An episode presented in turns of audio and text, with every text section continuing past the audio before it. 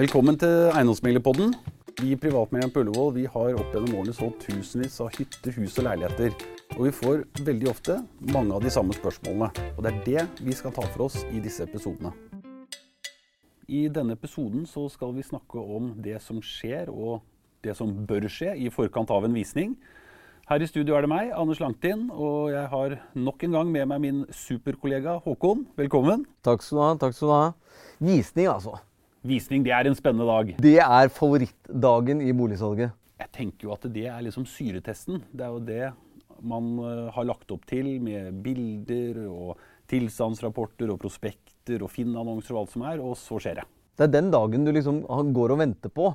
Det er jo det. Og, og, jeg, jeg, tenker vel, det er, det er, jo den dagen, forutenom budrunden, som, som, eh, som, selvfølgelig er vel så viktig, så, så er jo visningen liksom eh, den dagen hvor vi skal pynte og vise frem her er det vi har. Jeg tenker jo, Det er liksom, det er da alt skal skje, og det er det som du sier som leder opp til budrunden. Men hva tenker du, Håkon, er viktig at en eh, boligselger bør gjøre i forkant?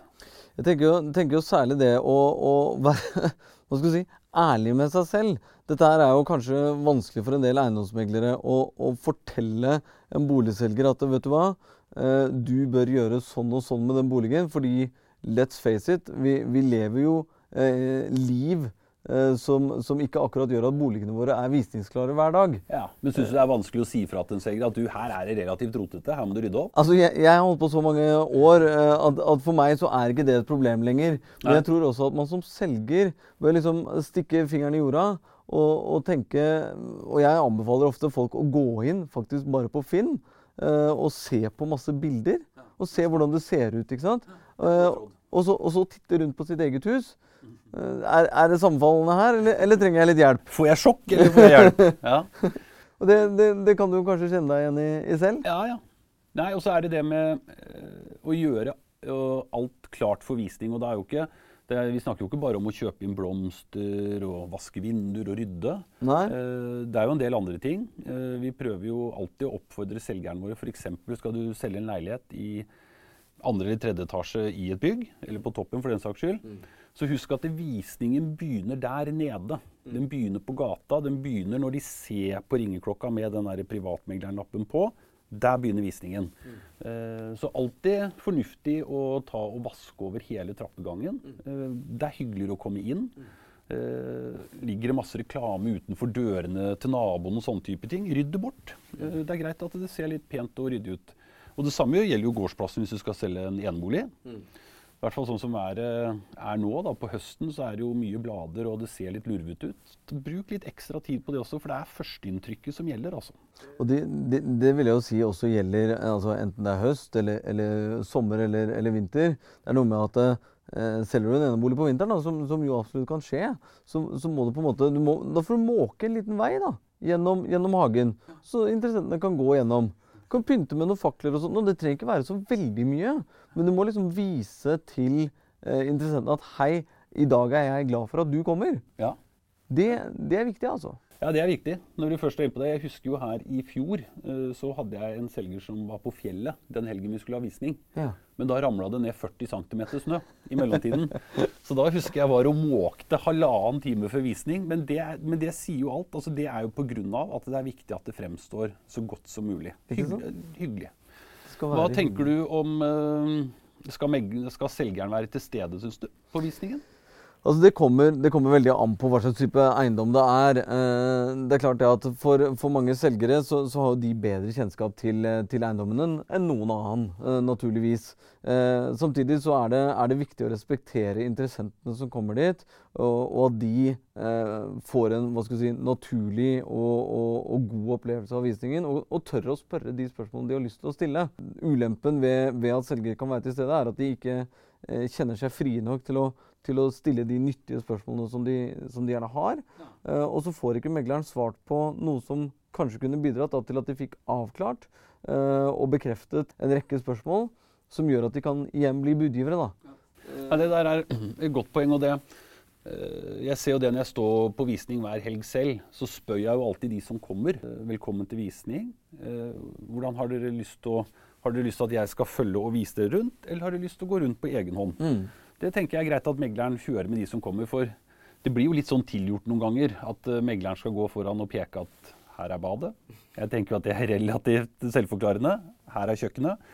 Så, det, er, det, er, litt som å ha med seg klesselgeren inn i prøverommet. Ja, det er litt det samme. Det er ikke alle som er helt komfortable med det. Det er ikke det. Uh, så jeg tenker uh, Der må jo megleren se an situasjonen og hvem som kommer. Høre litt med de som kommer. Har du lyst til å titte rundt på egen hånd, eller skal vi vise deg rundt? Og så kan jo interessenten også si at uh, jeg klarer å gå rundt selv. Ja. Absolutt. Jeg har, jeg har, mange ganger opplevd dette her med spørsmål fra selger med hvor mange tror du kommer? Hvor mange kommer på visninger, Anders?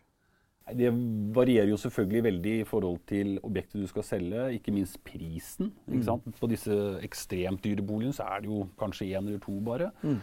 Men på leiligheter hvor uh, kanskje en førstegangskjøper passer godt, altså, så vil det komme mange. Men, ja. men, vi har jo verktøy som hele tiden teller interessen. Hvor mange klikk har du på de forskjellige nettannonsene som ligger ute. Så, så det kan vi jo forutsi ganske godt på forhånd. Ja. Altså uh, ut ifra treff. Hvor mange prospekter bør jeg ha med meg. Ikke sant. Ja. Ikke sant. Men du som har stått på hundrevis av visninger, Håkon, hva tenker du? Stekte boller eller ikke stekte boller? stekte boller. Altså, der er det én ting som jeg tenker er viktig, og det er det å kjenne ditt publikum. Uh, og det gjelder alle typer bolig. Hvis det er, hvis det er førstegangskjøperne som, som, kommer, så, så, har jo ikke de bollene noen plass som helst. Uh, da, da, hadde det kanskje vært fristende å sette frem burgertallerkener istedenfor. Mens, mens, på en tidlig søndag morgen. på en tidlig søndag morgen, ikke sant?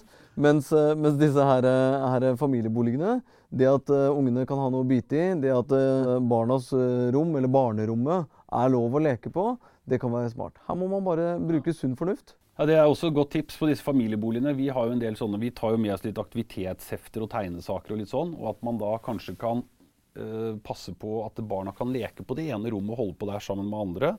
Eller på sommerhalvåret så har jeg egentlig hatt god suksess med også å kjøpe med masse is før man åpner visningen. For da kan barna være ute i hagen og så får jo mor og far bedre tid til å se på huset. Nøkkelen blir jo rett og slett bare kjenn ditt publikum, ja. uh, og gjør alt det som er logisk å gjøre for å få den presentasjonen, visningsdagen, så god som mulig. Og så har det vært visning. Folk setter seg da på denne listen. Mm. Greit for dere som hører på oss, som ikke har vært på visning på en stund, at nå er det jo ikke papirvisningsliste lenger. Nå er det en iPad som ligger der, som du registrerer deg på. Da kan du også få prospektet digitalt hvis mm. ikke du vil bære rundt på mm. denne svære, flotte presentasjonen. Og alt det her, eh, da har man gjort veldig mye av jobben. Og nå begynner vi liksom å skli over i det som kanskje alle gleder seg mest til, eller gruer seg til noen også, kanskje, eh, er det som gjelder budrunden.